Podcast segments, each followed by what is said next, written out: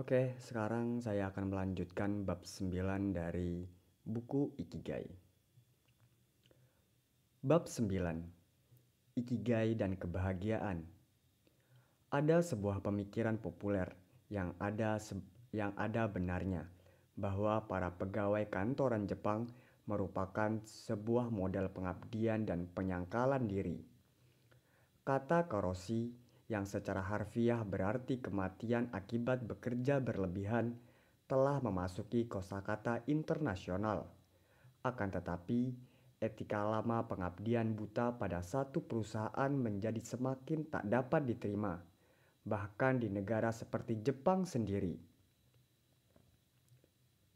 Kita semua tahu secara intuitif, intuisi bahwa ketaatan ketat pada etika kerja yang dituntut oleh sebuah organisasi tidak berarti membawa kebahagiaan. Untuk memiliki rasa ikigai yang kuat, Anda harus menjaga keseimbangan antara bekerja dan hidup.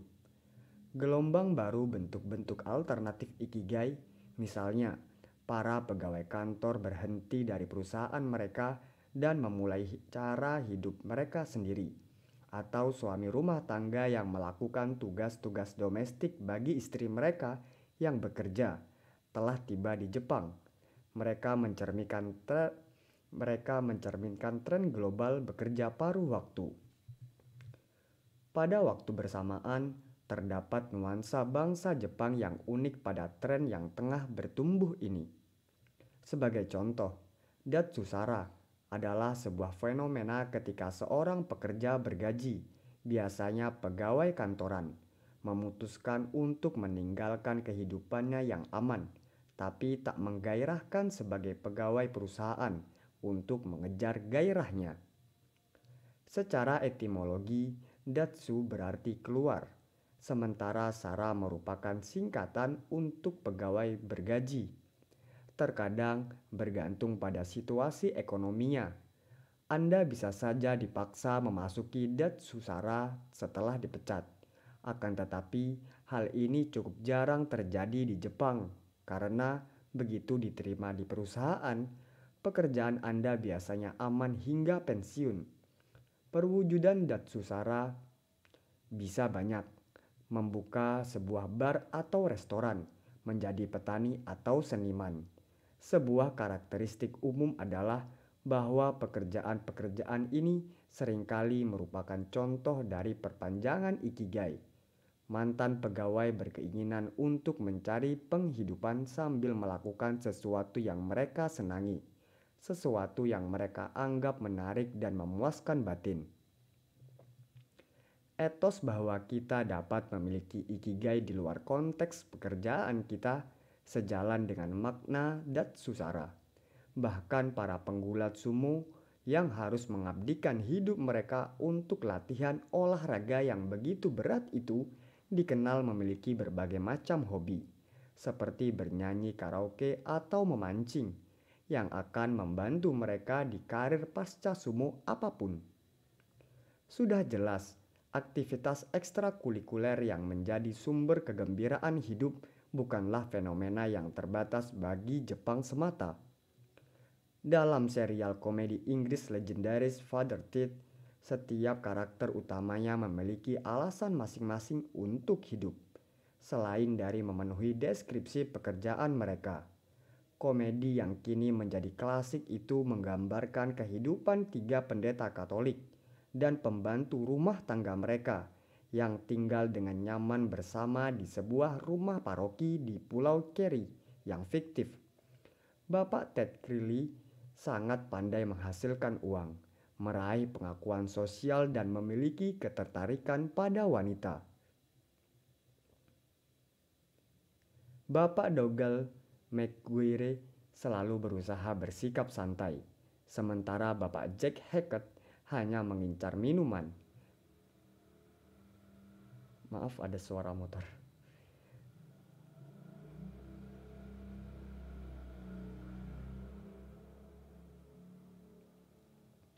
Mr. Doyle sangat senang membuat teh. Saking senangnya sampai-sampai dia berjaga sepanjang malam di ruangan tamu untuk berjaga-jaga jika ada seseorang yang menginginkan secangkir teh tengah malam. Skenarionya yang ditulis oleh Graham Linehan dan Arthur Matu Mateo menggambarkan pertualangan-pertualangan sembrono yang ditimbulkan oleh keganjilan dari ketiga karakter utama ini. Meskipun mereka tidak menaruh terlalu banyak kata, aktivitas-aktivitas favorit karakter-karakter utama Father Ted berkontribusi pada rasa ikigai mereka. Dalam satu episode, Bapak Ted ke kecanduan merokok.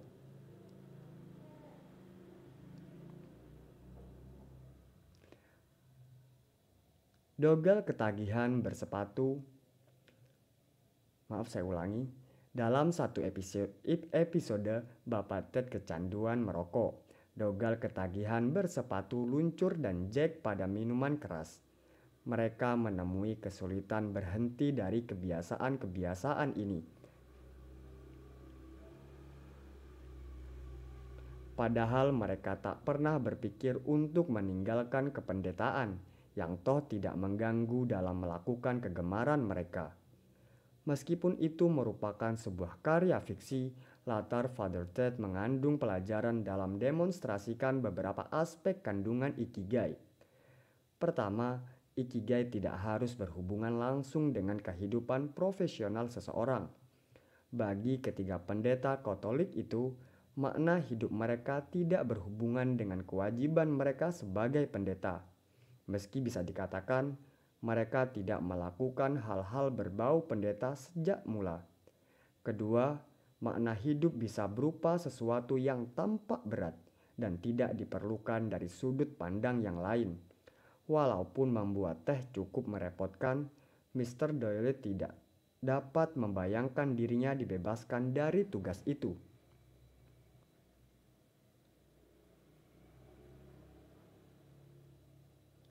Dalam satu episode, saat Bapak Ted menghadirkan Mr. Doyle alat pembuat teh baru, dia diam-diam menolaknya dan, dan berupaya untuk menghancurkan mesin mahal itu saat tak ada orang di sekitar, agar dia dapat terus menikmati kesulitan dari proses pembuatan teh. Walaupun karakter-karakter Father Ted itu tidak umum, kita semua bisa bersimpati dengan ikigai pribadi mereka, sekalipun itu untuk efek komikal. Bangsa Jepang, seperti biasa, memiliki agenda mereka sendiri bila menyangkut hobi, karena para pekerja di perusahaan-perusahaan Jepang modern sering tidak terpuaskan secara batin oleh pekerjaan mereka. Jepang menjadi negara bagi para pemilik hobi, orang-orang yang sibuk mengejar sesuatu yang tidak berhubungan dengan pekerjaan harian mereka. Menikmati hobi dalam skala besar bisa dikatakan kasus yang dilebihkan dari kegembiraan dengan melakukan hal-hal kecil. Orang-orang menikmati rasa pencapaian dengan melihat sebuah tugas yang dikerjakan hingga tuntas. Jika aktivitas ikigai tersebut menghasilkan sesuatu yang bernilai, kelihatannya kesenangan dari produk jadi itu disertai kepuasan mengerjakan sesuatu. Sebagai contoh, makan sayuran yang Anda tanam sendiri. Kepuasan didapat dari menciptakan sesuatu dari awal hingga akhir. Saat orang-orang mengambil kesenangan dan kepuasan dalam proses sekaligus hasilnya. Ada banyak sekali orang yang secara aktif membuat manga mereka sendiri, menjualnya di Comiket, singkatan dari Comic Market atau pasar komik, setiap akhir pekan. Kenyataannya, partisipasi di Komiket bisa dipandang sebagai contoh nyata ikigai. Meskipun Komiket sebagai kata benda umum bisa mengacu pada begitu banyak pertemuan-pertemuan serupa di dalam dan di belak dan belakang ini juga di luar dan belakangan ini juga di luar Jepang yang berdedikasi pada pertemuan-pertemuan penggemar Komiket, Komiket terbesar, Komiket diselenggarakan dua kali setahun pada bulan Agustus dan Desember di Tokyo Big Seat, sebuah kompleks aula pameran di area Odaiba yang baru dikembangkan di Tokyo. Tokyo Big Seat menggemborkan penampilan serupa robot yang futuristik dan sebagai lokasi bagi Comiket telah menjadi tempat tujuan simbolis bagi para penggemar komik. Diawali dari pertemuan pertama yang sederhana pada 1975 dengan hanya 600 orang yang hadir. Comiket kini telah bertumbuh menjadi sebuah ajang media dan penggemar berat dengan 100 ribu partisipan setiap tahunnya.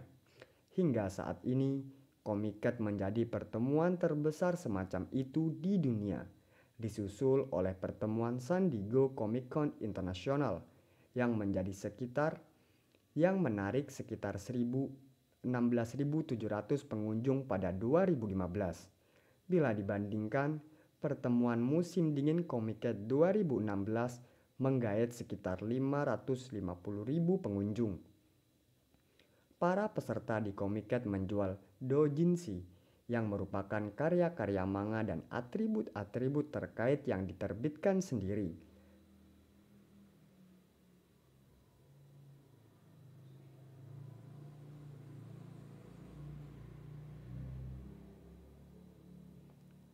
Para penjualnya disebut lingkaran.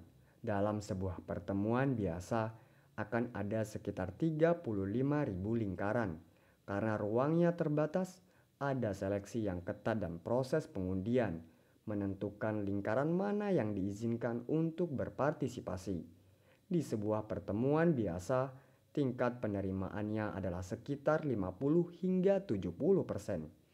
Seorang penjual membayar biaya sekitar 5, sekitar 10 ribu yen atau 1 juta rupiah dan diberikan ruang pameran 90 cm kali 45 cm.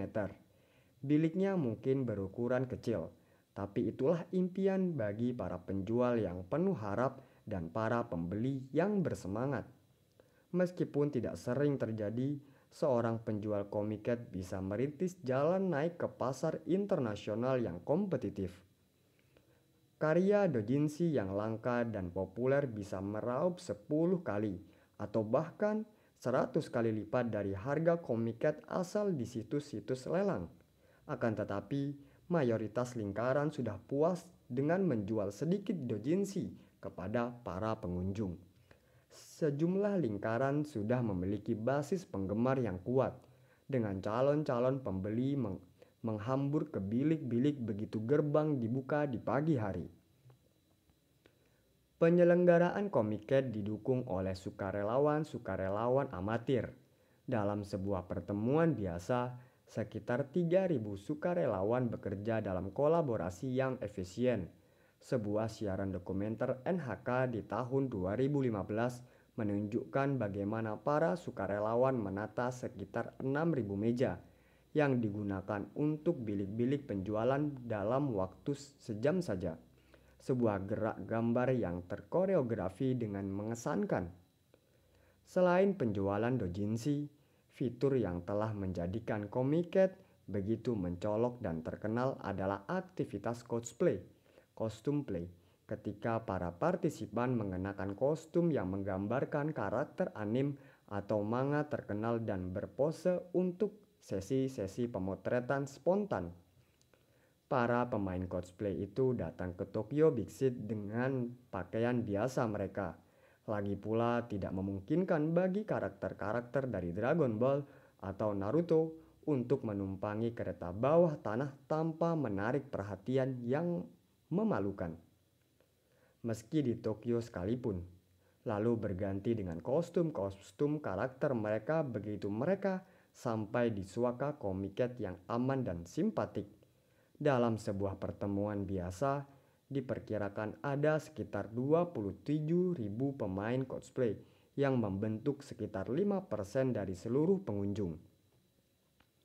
Para pemain cosplay itu mengerahkan upaya besar untuk mengubah diri mereka menjadi karakter-karakter yang mereka sukai.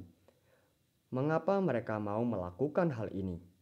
Seorang gadis yang ditampilkan dalam acara dokumenter NHK mengungkapkan bahwa dia menikmati transformasi yang dirasakannya dalam proses cosplay itu. Dengan begitu, seorang gadis pekerja yang pendiam bisa menjadi objek perhatian dan kekaguman para penggemar berat begitu dia menyelesaikan transformasinya menjadi sesosok karakter anim pilihannya. Comiket telah menjadi sebuah ajang internasional. Pada 2015, sekitar 2% pengunjung berasal dari luar negeri. Angka ini diperkirakan akan meningkat pada tahun-tahun berikutnya. Terdapat sukarelawan-sukarelawan yang berbicara berbagai bahasa di lokasi untuk membantu orang-orang dari berbagai negara. Situs Comiket memberikan instruksi dalam empat bahasa, bahasa Jepang, Inggris, Cina, dan Korea. Media internasional seperti CNN dan BBC telah meliput ajang tersebut di, di masa lalu. Video time lapse yang menunjukkan kerumunan yang luar biasa disiplin dan cukup tenang menanti dengan sabar untuk memasuki aula pameran Komiket telah menimbulkan sensasi internasional. Meski adanya ketertarikan global yang semakin meningkat, terdapat banyak karakteristik Komiket yang masih menyimpan sebagian besar ciri bangsa Jepangnya. Sebuah riset nilai dan pola perilaku yang dipertontonkan para partisipan para partisipan Komiket mengungkapkan berbagai moral dan standar menarik yang tercermin dalam filosofi Ikigai. Insentif bagi para partisipan sebagian besar berasal dari kegembiraan melakukan tugas itu sendiri, alih-alih imbalan finansial atau pengakuan sosial. Memang benar bahwa seorang pemain cosplay menerima banyak perhatian selama komiket. Kendati begitu, itu tidak otomatis diterjemahkan menjadi sebuah karir atau hujan duit. Seorang pemain cosplay setelah menikmati 15 menit pamor di Komiket tidak akan berhenti dari pekerjaan sehari-hari mereka. Partisipasi dalam Komiket memberi rasa ikigai dengan cara bangsa Jepang yang unik. Sebagai contoh, tidak ada yang diistimewakan perhatian dan tepuk tangan diberikan pada setiap partisipan secara rata. Meskipun biasanya terdapat variasi pada angka penjualan dan basis penggemarnya, tidak ada penghargaan yang diberikan pada pertemuan-pertemuan tersebut, dan setiap penjual lingkaran diperlakukan dengan cara seadanya yang sama dengan ruang promosi berukuran 90 cm kali 45 cm mereka. Cara komiket di organisasi dipertunjukkan betapa ikigai dapat dihubungkan dengan rasa kebahagiaan secara umum. Tentu saja, ikigai terkait erat dengan konsep kebahagiaan kita. Kita semua ingin jadi bahagia, dan Anda akan merasa lebih bahagia jika Anda memiliki ikigai. Cara pandang orang-orang terhadap kebahagiaan merupakan pertanyaan ilmiah yang menarik, selain juga menjadi masalah pertimbangan praktis. Orang-orang cenderung berasumsi bahwa terdapat kondisi-kondisi yang diperlakukan untuk bahagia.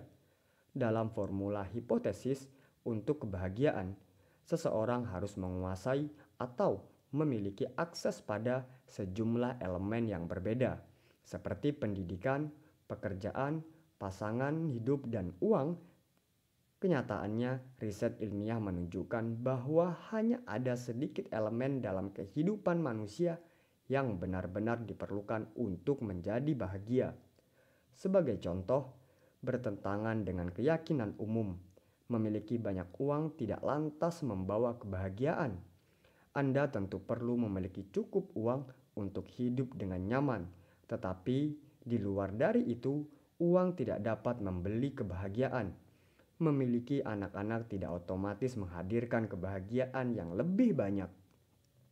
Perhatikan status sosial, kesuksesan akademis, elemen-elemen kehidupan yang sering dipandang penting untuk mewujudkan kebahagiaan seseorang sebetulnya hanya sedikit berpengaruh pada kebahagiaan itu sendiri. Para peneliti telah menyelidiki sebuah fenomena bernama ilusi terpusat. Orang-orang cenderung memandang hal-hal tertentu dalam hidup itu penting bagi kebahagiaan. Padahal kenyataannya tidak demikian. Istilah ilusi terpusat berasal dari gagasan bahwa Anda bisa begitu terfokus pada aspek tertentu dalam hidup sampai-sampai Anda mempercayai bahwa seluruh kebahagiaan Anda bergantung padanya. Sebagian orang memiliki ilusi terpusat Anda, misalnya pernikahan sebagai syarat bagi kebahagiaan. Dalam kasus demikian, mereka akan merasa tidak bahagia selama mereka tetap melanjang. Maaf, saya ulangi. Dalam kasus demikian, mereka akan merasa tidak bahagia selama mereka tetap melajang. Sebagian orang akan mengeluhkan bahwa mereka tidak bisa merasa bahagia karena tidak memiliki cukup uang, sementara yang lain akan merasa yakin mereka tidak bahagia karena tidak memiliki pekerjaan yang layak. Saat saat memiliki ilusi terpusat, anda menciptakan alasan Anda sendiri untuk merasa tidak bahagia.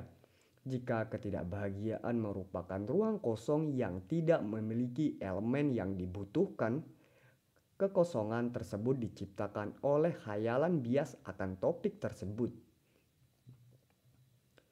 Tidak ada formula mutlak bagi kebahagiaan.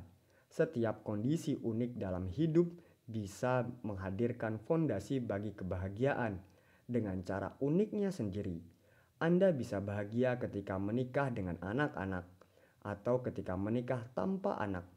Anda bisa merasa bahagia ketika melajang dengan gelar sarjana ataupun tidak. Anda bisa bahagia saat bertubuh langsing. Anda bisa bahagia saat bertubuh gendut. Anda bisa bahagia ketika tinggal di tempat beriklim hangat seperti California anda bisa bahagia saat tinggal di Montana ketika Anda merasa kondisi musim dingin yang ekstrim. Sebagai orang pegulat sumo, Anda bisa bahagia saat berhasil mencapai Yokozuna atau Anda bisa bahagia meski terus menjadi orang yang tidak diunggulkan sepanjang karir Anda. Melakukan tugas-tugas remeh tanpa pernah menyerah. Singkat kata, untuk menjadi bahagia, anda harus menerima diri sendiri. Menerima diri sendiri adalah salah satu tugas terpenting meski sulit yang kita hadapi dalam hidup kita. Tentu saja, menerima diri sendiri merupakan hal paling mudah, paling sederhana, dan paling memberi kepuasan yang bisa Anda lakukan bagi diri sendiri. Formula dengan ang formula dengan anggaran rendah dan bebas pemelihara, pemeliharaan untuk jadi bahagia.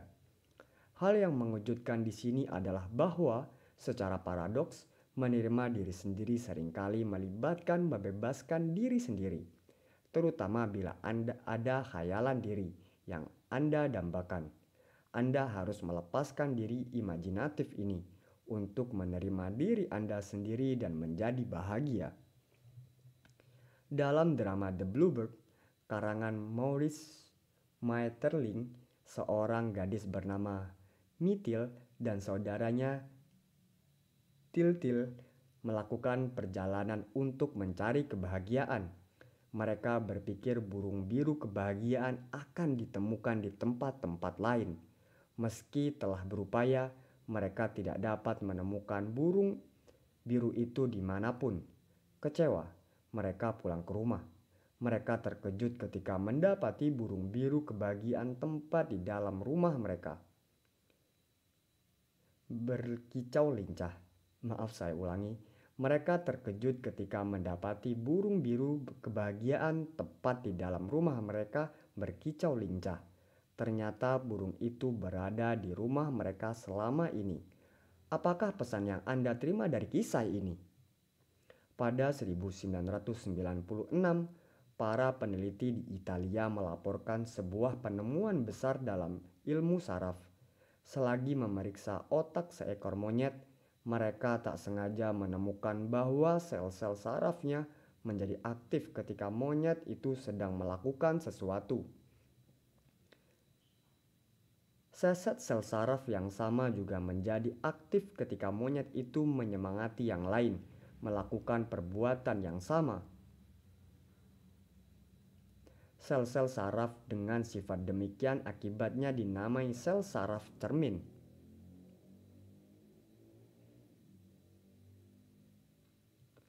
Sel saraf cermin telah ditemukan dalam otak manusia juga. Pada saat ini dipercaya bahwa sel-sel saraf ini terlibat dalam berbagai aspek komunikasi, termasuk membaca pikiran saat kita membuat perkiraan mengenai pikiran orang lain.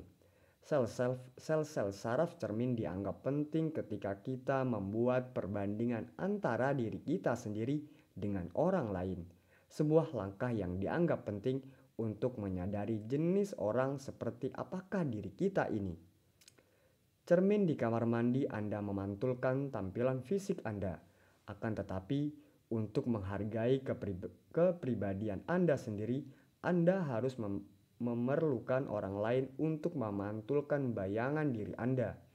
Hanya dengan menyadari kesamaan dan perbedaan antara diri Anda sendiri dan orang lainlah Anda bisa Anda jadi bisa menilai karakter Anda secara nyata. Demikian pula yang terjadi pada Mitil dan Titil. Baru setelah menempuh perjalanan ke dunia yang luas dan membandingkan orang lain dengan diri mereka lah mereka jadi menyadari tabiat nyata diri mereka sendiri. Baru saat itulah mereka dapat menerima diri mereka sendiri sebagaimana adanya. Fable Bluebird of Happiness mengungkapkan bahwa kita dapat menemukan kebahagiaan dalam kondisi unik masing-masing diri kita. Rumput bisa saja tampak lebih hijau di sisi seberang, tetapi itu hanyalah sebuah ilusi. Orang-orang yang datang ke Comiket dan berinteraksi dengan satu sama lain pada pijakan yang sama tahu persis itu. Mereka datang ke Comiket demi mencari burung biru kebahagiaan dan mereka menemukan apa yang mereka cari yang nyatanya berada di dalam diri mereka sendiri. Setelah menikmati peran sebagai karakter fantastis anim dalam cosplay, mereka melepaskan pakaian kegembiraan mereka dan kembali menjadi diri mereka sendiri. Oke, bab 9 sudah selesai. Cukup sampai sini, yo. Oh, langsung aja ya.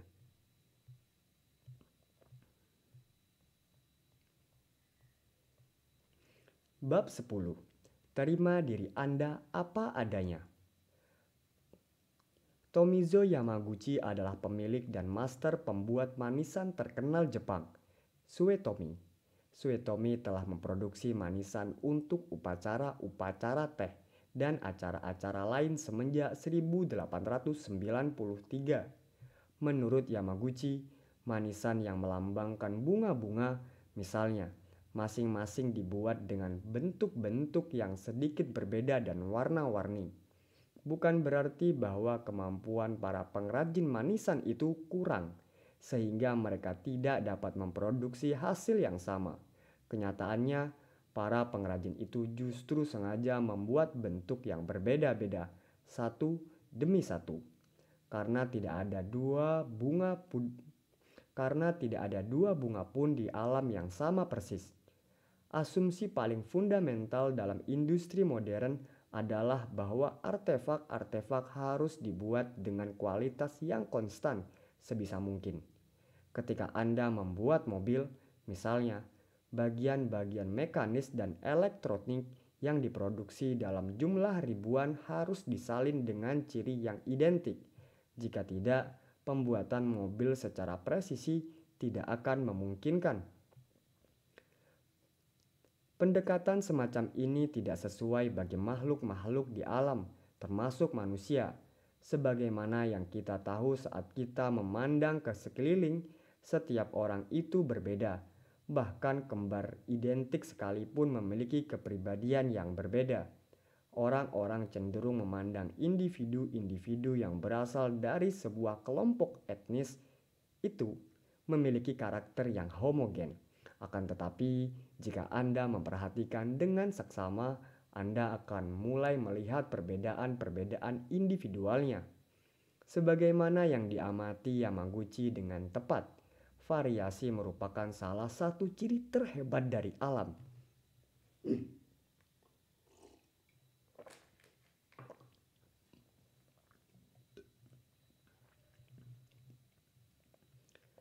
Untuk membuat setiap manisan sedikit berbeda dari yang lain sebetulnya sangat realistis karena peran-peran signifikan yang dimainkan oleh pengaruh-pengaruh kultural dan pembelajaran manusia jelas-jelas menunjukkan variasi yang bahkan lebih besar daripada bunga-bunga, dedaunan, atau entitas hidup lain di alam.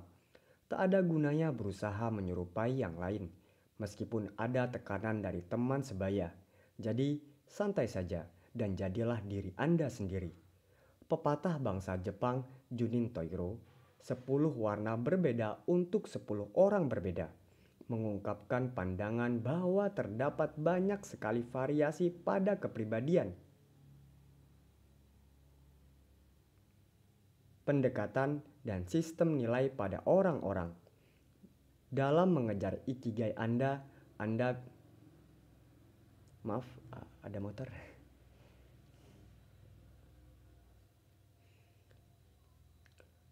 Dalam mengejar ikigai Anda, Anda bisa menjadi diri sendiri seberapapun yang Anda inginkan. Sudah sewajarnya jika Anda menjadi diri sendiri, karena setiap masing-masing diri kita memiliki warna yang sedikit berbeda apresiasi akan keragaman tampak bertentangan dengan kebijaksanaan konvensional bahwa Jepang itu kurang lebih merupakan negara yang homogen secara budaya atau etnis. Pemerintahnya memperlakukan peraturan yang dikenal ketat terhadap imigrasi. Pemandangan para pegawai kantoran berdesakan di kereta komuter dengan juru stasiun berusaha mendorong kerumunan itu ke dalam gerbong-gerbong jelas tampak teramat asing dari gagasan penghormatan bagi individualitas. Memang benar bahwa bangsa Jepang cenderung berpikir bahwa mereka itu adalah bangsa yang seragam. Dengan proses globalisasi, cara berpikir bangsa itu pun berubah. Meski warga Jepang masing-masing cenderung berpikir bahwa mereka adalah orang-orang homogen.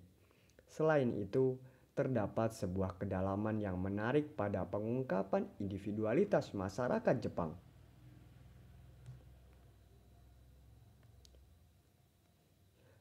Bangsa Jepang memiliki serangkaian trik kecil untuk tetap menghidupkan individualitas mereka, sementara menjalin hubungan yang harmonis bersama yang lain.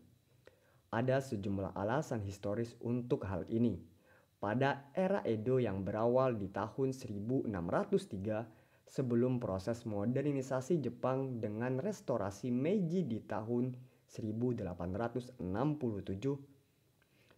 Kesogunan Tokugawa mengeluarkan serangkaian peraturan eksekutif untuk menjaga stabilitas di masyarakat sebagaimana yang dipandang pantas pada masa itu. Salah satu permasalahan yang sering diangkat adalah penghindar, penghindaran dari sikap bermewah-mewahan. Saat perekonomian Edo bertumbuh, beberapa pedagang menghasilkan banyak uang dan menghabiskannya dengan berfoya-foya. Memamerkan kemewahan yang terakumulasi itu dipandang memiliki dampak yang melemahkan pada stabilitas sosial disebabkan oleh semakin melebarnya jurang antar kelas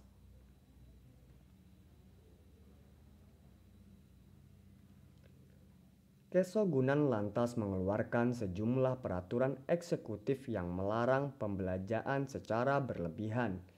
Para pedagang kaya raya mematuhinya di permukaan, mengingat tidak mungkin mereka berdebat shogun pada masa itu. Kendati begitu, mereka tetap bisa menikmati kesenangan mereka secara sembunyi-sembunyi Salah satu teknik mereka adalah menggunakan bahan-bahan pakaian yang mahal di bagian dalam pakaian mereka, sementara tetap menjaga penampilan luar yang sederhana. Gagasan mempertahankan profil luar dengan sederhana, sementara menjadikan individualitas di bagian dalam berkembang merupakan kearifan yang dipupuk orang-orang Jepang selama bertahun-tahun. Teknik ini dapat digunakan di masyarakat mana pun terutama ketika pengawasan sosial menjadi masalah.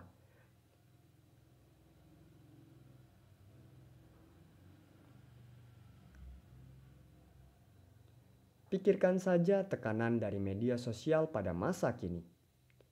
Cara bangsa Jepang mempertahankan keunikan individu sembari menjaga penampilan luar yang sederhana merupakan situasi yang bisa membingungkan dalam konteks modern. Sebagai contoh, hal itu membuat inovasi-inovasi yang mengganggu sulit untuk dipupuk dan dikembangkan di pelosok negeri karena kepribadian yang bebal seperti Steve Jobs atau Mark Zuckerberg tidak akan mudah ditoleransi. Bentuk-bentuk jasa baru yang berbenturan dengan usaha-usaha mapan seperti Uber atau Airbnb sangat lambat merambah Jepang. Pengekangan ekspresi individu yang unik telah menghambat sistem pendidikan Jepang yang lebih menekankan keseragaman alih-alih keragaman di antara individu-individu.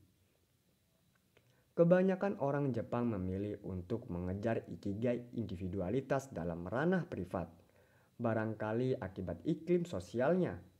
Pendekatan tersembunyi ini terhadap ekspresi individualitas bukan satu-satunya solusi. Akan tetapi, setidaknya kita bisa berkata itu solusi yang menarik. Bagi seorang pengamat biasa, seorang pegawai kantor mungkin akan terlihat tak ada bedanya. Akan tetapi, di balik jaket yang tak menarik ini, dia mungkin menyembunyikan kesenangan akan anim atau manga. Pada hari-hari kerja, dia mungkin seorang pegawai yang patuh di suatu perusahaan.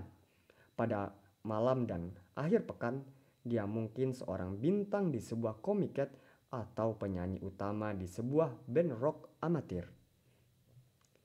Terdapat sebuah kebebasan dalam gagasan bahwa seorang yang tampak sangat konformis bisa saja menyimpan lapisan-lapisan dalam kepribadian individual yang mungkin tidak akan tampak di permukaan. Selain itu, pendekatan yang setiap individu digunakan pada hidupnya bisa saja cukup unik. Keunikan individu adalah sesuatu yang harus ditemukan dan diasah tidak sekedar dikira-kira dan dipelihara. Mendefinisikan ikigai sebagai individu yang selaras dengan masyarakat secara luas akan mengurangi banyak maaf saya ulangi.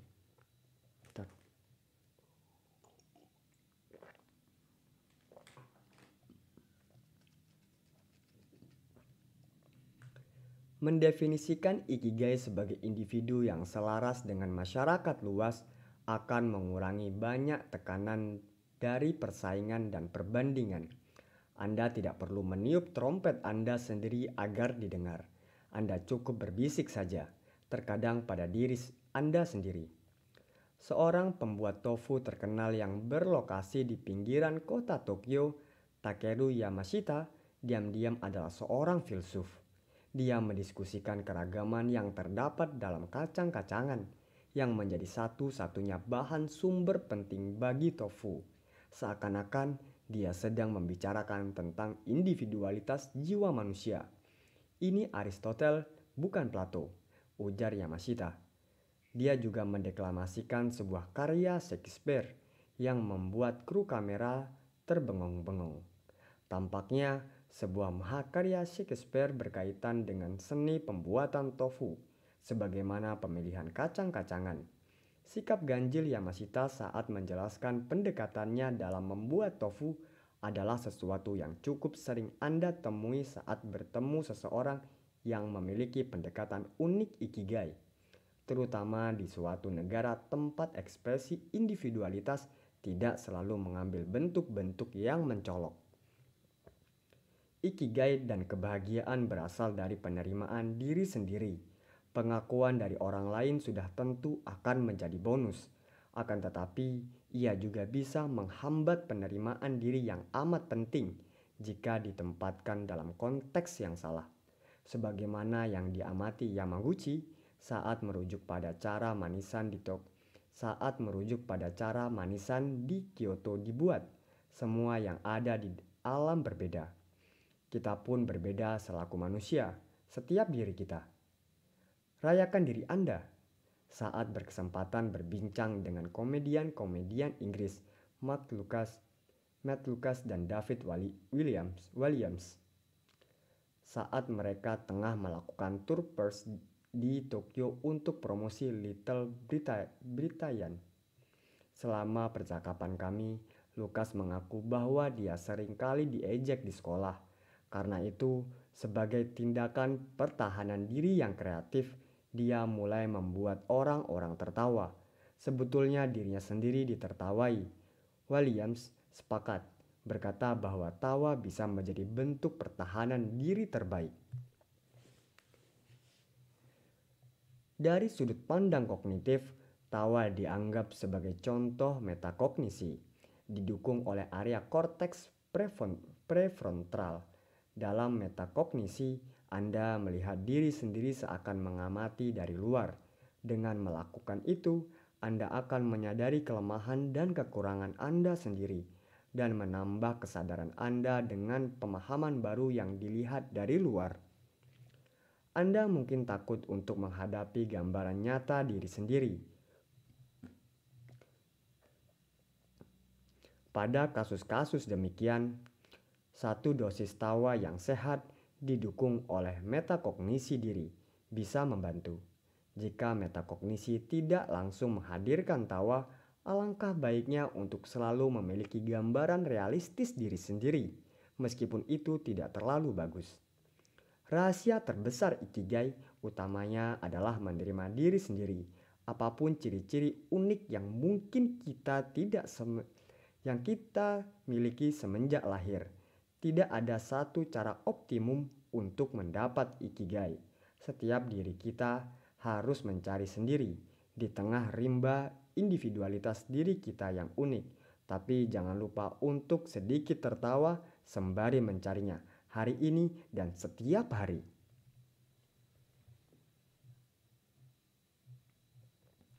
Oke, bab 10 sudah selesai dan sekarang kita sampai pada kesimpulan.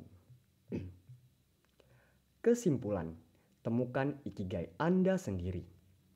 Mari kita lihat lima pilar ikigai. Satu, Awali dengan hal yang kecil. Dua, bebaskan dirimu. Pilar tiga, keselarasan dan, kese dan kesinambungan. Empat, kegembiraan dari hal-hal kecil. Lima, hadir di tempat dan waktu sekarang. Nah, setelah membaca buku ini, bagaimana pilar-pilar ikigai ini tampak bagi Anda? Apakah Anda memiliki pemahaman yang dapat membantu Anda mengatasi masalah-masalah dalam hidup? Apakah Anda kini lebih mau mencobai hal-hal baru dengan langkah-langkah kecil, meski tidak langsung mendapat imbalan eksternal? Apakah Anda kini dapat melihat hubungan penting antara keselarasan dan kesinambungan? Apakah Anda merasa Anda akan lebih rileks dengan keunikan diri Anda? sembari bersikap lebih toleran terhadap keanehan orang lain. Apakah Anda sekarang lebih sanggup menemukan kesenangan pada hal-hal kecil? Diharapkan bahwa pengenalan pada ikigai ini akan memampukan Anda untuk menghargai makna pilar-pilar ini dengan intuisi penting yang terbarukan dan lebih mendalam, bahwa ia akan membekali Anda dengan pemahaman yang diperlukan untuk mengatasi masalah-masalah spesifik Anda.